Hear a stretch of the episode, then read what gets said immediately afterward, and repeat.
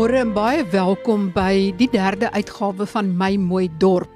Die program waar ons jou wil bemagtig en help om van jou dorp weer 'n mooi dorp te maak en die gemeenskap floreerend. Ek wil net vinnig iets oor my eie agtergrond sê en dit is dat ek groot geword het in 'n dorpie in die Oos-Kaap met die naam van Kirkwood wat in die Sondagsriviervallei is. Dis 'n pragtige vallei van sitrusbome as jy in die lengte in die vallei inry met jou motor en jy draai jou vensters oop dan ruik jy letterlik hierdie lieflike reuk en geur van sitrusbloeisels. Lemoenbloeisel geur wat so in die lug hang. Ek het verlede jaar in 2020 baie tyd in Kirkwood spandeer om verskeie redes en die slaggate in die paaie, die onhigiëniese en vuil en haglike stand van die stalletjies in die dorp se straat. Ag, daar's heelwat probleme, maar daar's ook baie baie goeie dinge wat gebeur. En ek gaan julle nog baie vertel van Kirkwood sodat julle almal saam met my uit die lesse kan leer van hierdie pragtige vallei om soos wat ons dan die vallei verbeter tot 'n floreerende gemeenskap en eintlik floreerende gemeenskappe dat al hierdie inligting kan help om van alle dorpe in die land pragtige, mooi floreerende dorpe en gemeenskappe te maak. Ek gaan in April weer Kirkwood besoek en dan gaan ek vir julle stories uit die vallei uit vertel. Maar ek wil sommer nou met julle deel dat daar ook baie ander plekke in die in die land is waar die gemeenskappe woel en werk skaf om van hulle dorpe beter dorpe te maak. Victoria Wes het 'n aksiegroep gestig wat nou ook alles wat lelik en vuil is in 'n dorp van 'n kant af gaan skoonmaak. Daar's wonderlike aksies aan die gang in Kroonstad. Parys het ook nie agterweë gebly nie. Viljoenskroon Potgieters rus is ook van plan om planne te maak en so is daar talle dorpe daar's letterlike oplewing in 'n golf aan die gang van dorpe en gemeenskappe wat besef dat hulle self dinge moet doen en ons gaan hulle in hierdie program bemagtig om nog verder dit te doen. Ek gesels dus in hierdie program met 'n regsgeleerde sodat ons kan verstaan wat is die pligte van 'n munisipaliteit en wat kan ons dalk doen om seker te maak dat die munisipaliteit hulle pligte nakom en kan van die gemeenskap hierdie pligte oorneem en hierdie verantwoordelikhede oorneem en wat jy moet doen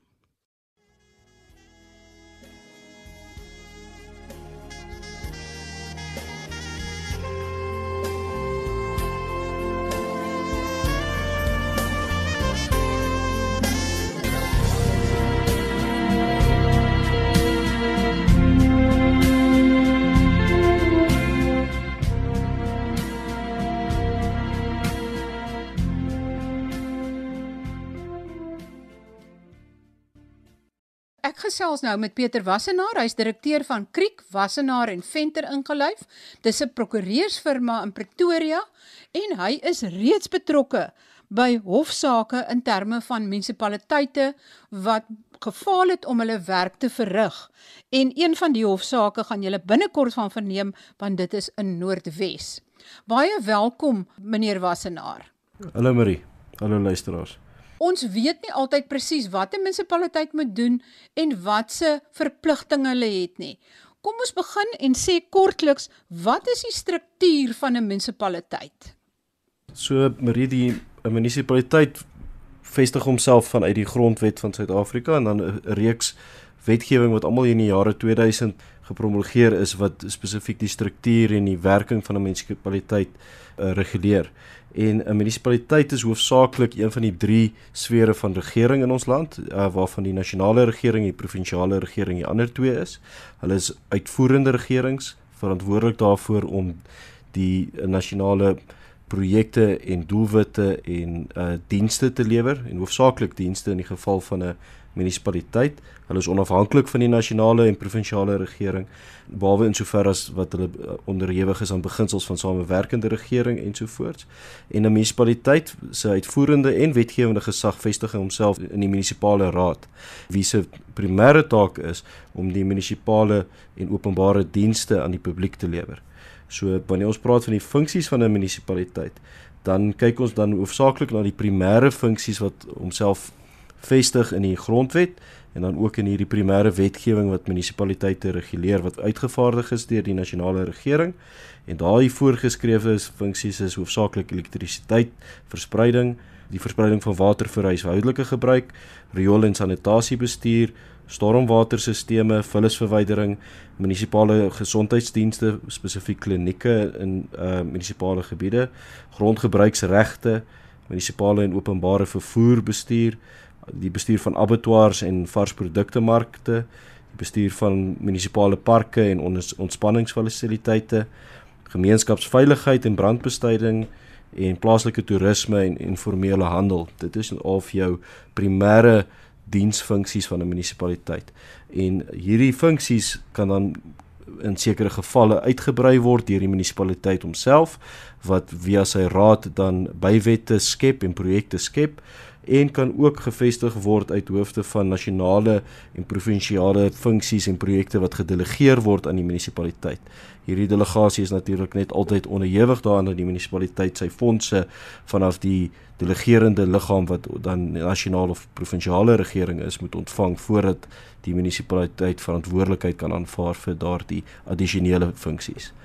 Met ander woorde, volgens wet moet die munisipaliteit hierdie pligte en verantwoordelikhede nakom. Is dit korrek? Ja. Heeltemal korrek. En baie van hierdie funksies, die meeste van die lyse wat ek aanvanklik genoem het hierbo is uh hiervoor is spesifiek funksies wat deur die grondwet voorgeskryf word. Is daar enige wetgewing wat hom verplig om spesifieke finansiële uh, strukture in plek te hê en finansiële verantwoordbaarheid te uh, handhaaf? Ons het hier in die jare 2000 'n reeks wetgewing ontvang wat uitgevaardig is spesifiek om munisipaliteite in lyn met mekaar te bring en in lyn met behoorlike bestuur en deursigtige regering. En dit is nou onder andere die sistemewet wat kyk na die openbare deelname en dienslewering binne 'n munisipaliteit, die strukturewet wat spesifiek kyk na die werking van 'n raad en hoe die gedragskodes van die munisipale diens en amptdraers En dan baie belangrik in vandag se konteks met die munisipaliteite se finansiële krisisse wat ons in die gesig staar, die uh, munisipale finansies bestuurswet van 2003 wat spesifiek sê hoe munisipaliteite finansiëel aanspreeklik gehou kan word, um, hoe hulle spandering en openbare verkryging van dienste moet werk en ook hoe die publiek en die gemeenskap te werk moet gaan om te seker te maak dat 'n munisipaliteit wat in 'n finansiële krisis is, dan ook reggeruk kan word volgens die grondwet en volgens hierdie munisipale finansies bestuurswet. Baie van Suid-Afrika se dorpe en munisipaliteite, hulle kry begroting van provinsiale geleedere af, maar hulle moet ook geld insamel deur belasting soos elektrisiteit en watervoorsiening ensovoorts. Meeste van die munisipaliteite in Suid-Afrika het nie skoon audits nie en daar's geld gemors en geld verdwyn en dan is daar nie meer geld oor om hierdie basiese dienste te lewer en om infrastruktuur in stand te hou nie. Nou die gemeenskap betaal klaar belasting. Nou hoe swaai mense hierdie hele ding? Wat sou jy voorstel is die beste manier om te doen? Jy het na die munisipaliteit toe gegaan, hulle sê ja ja, hulle sal kyk, maar niks gebeur nie. Wat moet jy dan doen? Is dan litigasie dan maar al weg? Jy vra seker die mees relevante vraag wat tans die howe in die gesig gaan staar en dink ek in die volgende voorsienbare paar jare.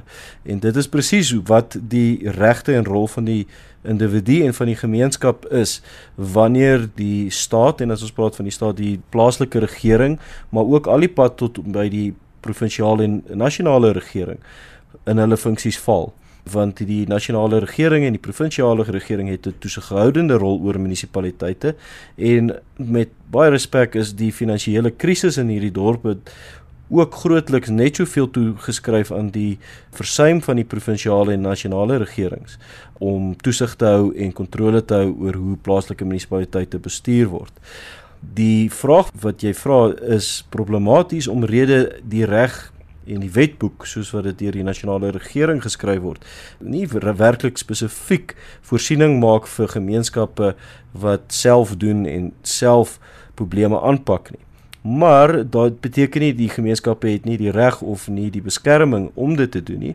In die gemeenereg het ons die beginsel byvoorbeeld van saakwaarneming wat beteken dat waar 'n uh, openbare bate wat ook 'n saak of 'n bate is, uh weens uh, nalatigheid of gebrek aan onderhoud besig is om vernietig te word of te verval, dan kan 'n derde party wat in die geval die gemeenskap is, inspring en namens die eienaar of die houer van daardie bate wat in hierdie geval die staat is, daardie bate gaan regmaak en onderhou. En die gemeenereg byvoorbeeld gee ook vir die reg dat jy die koste van onderhoud namens tydens die saakwaarneming mits dit redelik aangegaan is, kan verhaal.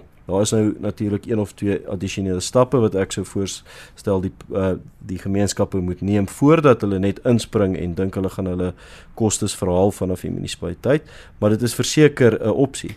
Nou 'n ander nuwe verwikkeling wat die howe in ge, die gesig staar is waar partye die howe begin nader vir 'n uh, interdik of wat ons noem 'n mandamus om die munisipaliteit te dwing om sekere funksies te doen en by gebrek tot uh, genoeg reaksie of 'n uh, eh, aanvaarbare reaksie van die munisipaliteit dan die gemeenskap magtig om dit namens of in die naam van die munisipaliteit self te doen. En dit is waarskynlik die veiligste opsie omrede jy ten minste uh die toestemming van die hof en in die geval kan dit uitsluitlik die Hooggeregshof wees dat jy hierdie funksies mag verrig. So om dit net te gaan doen dink ek is nie so maklik nie. Dit is moontlik, maar die beste roete is eintlik net maar soos jy gesê het, geen ander opsie nie, jy moet die hof nader. Sê maar daar is besoedeling in die rivier en die water van die dorp is nie goed nie en die gemeenskap spring in en hulle probeer om die regte ding te doen. Hoe kan die munisipaliteit weier om dit te betaal? Dis 'n deel van hulle wetlike plig dat daar skoon water moet wees op hierdie stadium nog die veiligste manier is om die howe te nader vir 'n uh, 'n bevel om jou te magtig. Hoe meer belangrik die funksie is wat jy probeer beskerm, hoe hoër is die kans dat jy waarskynlik ook sal slaag as jy sonder magtiging van die hof die saakwaarneming gaan toepas het. So as waar jy byvoorbeeld 'n noodsaaklike diens soos om die rioolwerke of die waterwerke te gaan herstel aanpak, dan is dit so dat jy waarskynlik ook 'n groot eh, kans 'n hoër kans op sukses sal hê omrede hierdie basiese diensleweringsfunksies is. Ehm um, die deel waar jy 'n bietjie op risiko staan is met jou nie nie noodsaaklike en nie basiese dienste. Byvoorbeeld 'n parkie se gras te gaan sny op jou koste waar dit nie lewe of dood tipe sake noodwendig altyd is nie. Besoedeling, uh water, elektrisiteit, riolering ensovoorts is is redelike basiese funksies waar ek dink gemeenskappe met bietjie meer vrymoedigheid kan oorweeg om om in te gryp. Elektrisiteit byvoorbeeld is nie 'n basiese mensereg nie al al begin ons al hoe meer so voel. Dit beteken 'n munisipaliteit kan jou krag afsny as jy nie betaal nie. Maar funksies wat wel noodsaaklik is is is funksies soos water, riolering, en en tot selfs tot tomate iets soos vullisverwydering goed wat uh, openbare gesondheid veral affekteer. En daardie funksies is sodat dat hierdie is funksies wat die munisipaliteit grondwetlik en en statutêr volgens wetgewing verplig is om aan jou te lewer en daar is dit sodat 'n gemeenskap waarskynlik 'n hoë kans op sukses het as hulle hof byvoorbeeld op 'n dringende basis nader om hierdie funksies en dienste te herstel binne in die dorp. Ehm um, daar's nou redelik onlangs 'n reeks uitsprake van 'n verskeie hooggeregshowe uh oor die lewering van water waar die howe op 'n dringende basis genader is en die howe ook toe die nasionale en provinsiale regering bykomend tot die plaaslike regeringssfeer die munisipaliteit gelas het om te verseker dat water aan 'n sekere gemeenskap gelewer word. En dit beteken dat sekere dienste en voorregte binne die munisipaliteit is sodat dit 'n diens is waarvoor jy 'n fooi moet betaal om dit te ontvang. Elektrisiteit is baie spesifiek hierby ingesluit en dan is daar sekere sosio-ekonomiese regte binne in die grondwet en wetgewing wat jy op um, wel op geregtig is om 'n sekere hoeveelheid van 'n ding te ontvang soos water. Jy's geregtig op 'n sekere hoeveelheid water 'n dag wat die regering verniet vir jou moet verskaf. Maar dit klink vir my of die heel eerste stap met ander woorde is om eintlik 'n lys te maak met alles wat verkeerd is in jou dorp en dit onder die munisipaliteit se aandag te bring sodat hulle dan nie kan sê hulle het nie geweet daarvan nie. Ehm um, dit is die beginpunt van alles. Die wonderlikste beskermingstoestel wat nog ooit ontwerp het is die slimfoon wat 'n kamera en 'n het wat video en en foto's kan neem en ek sê maar altyd met enige kliënt of lid van die publiek wat sy regte wil beskerm is ruk daar die toestel uit en begin afneem. En dit is sodat jy een element van jou saak gaan bewys, maar jy gaan ook natuurlik moet bewys dat een die munisipaliteit geweet het dat hierdie ehm um, situasie voortduur of bestaan en twee dat hulle desondanks die feit dat daardie situasie bestaan en of voortduur niks doen nie en dat daar 3 'n positiewe plig of 'n regsplig op hulle is om op te tree. Ek gaan beslis in die toekoms weer met jou gesels. My gas is meneer Pieter Wassenaar. Hy is by 'n prokureursfirma in Pretoria en betrokke by verskeie hofsaake juis oor munisipaliteite wat hulle pligte versaak het. Een van die dinge waarna ons ook wil kyk is wat is die pligte van 'n wijkraadslid spesifiek en dan gaan ons by elke liewe afdeling water, sanitasie, elektrisiteit ensovoorts gaan ons dieper boor oor elke een van daai aspekte.